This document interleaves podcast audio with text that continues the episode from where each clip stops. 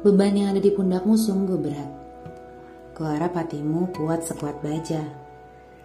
Engkau yang lebih dulu merasakan manis getirnya dunia. Lebih dulu dari si anak tengah dan si bungsu. Jika engkau berhasil, segala kebutuhan menjadi tanggung jawabmu. Jika engkau terlihat biasa saja, ada saja yang mencibir. Mencoba membandingkanmu dan keberhasilan yang diperoleh anak lain.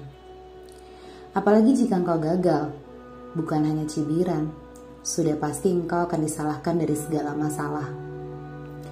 Wahai anak pertama, yang selalu orang tuamu bilang, kamu adalah contoh untuk adik-adikmu.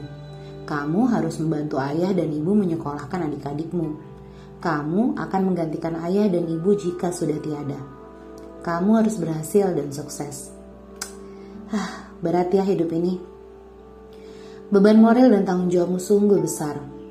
Wahai anak pertama, jika engkau sudah terlanjur sukses, selamat, engkau beruntung.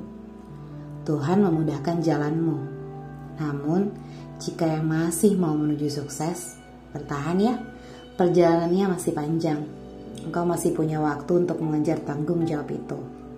Dan untukmu yang sudah terlanjur merasa gagal, kamu belum gagal Terkadang kita harus belajar menutup telinga dari cibiran orang-orang yang tidak tahu akan perjuanganmu menuju sukses. Berusaha kembali, tak apa memulai kembali dari nol.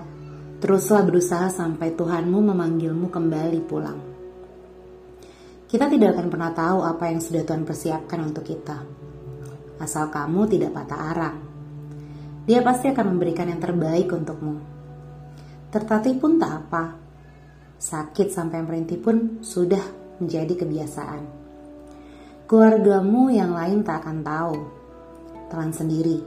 Dan ingat, tidak akan ada manusia yang gagal selama kita bangkit lagi dan lagi. Jika usaha sudah, jangan lupa doa. Minta sama dia, pemilik alam semesta yang maha kaya. Ingat, Gusti Allah buatan sare. Semangat ya!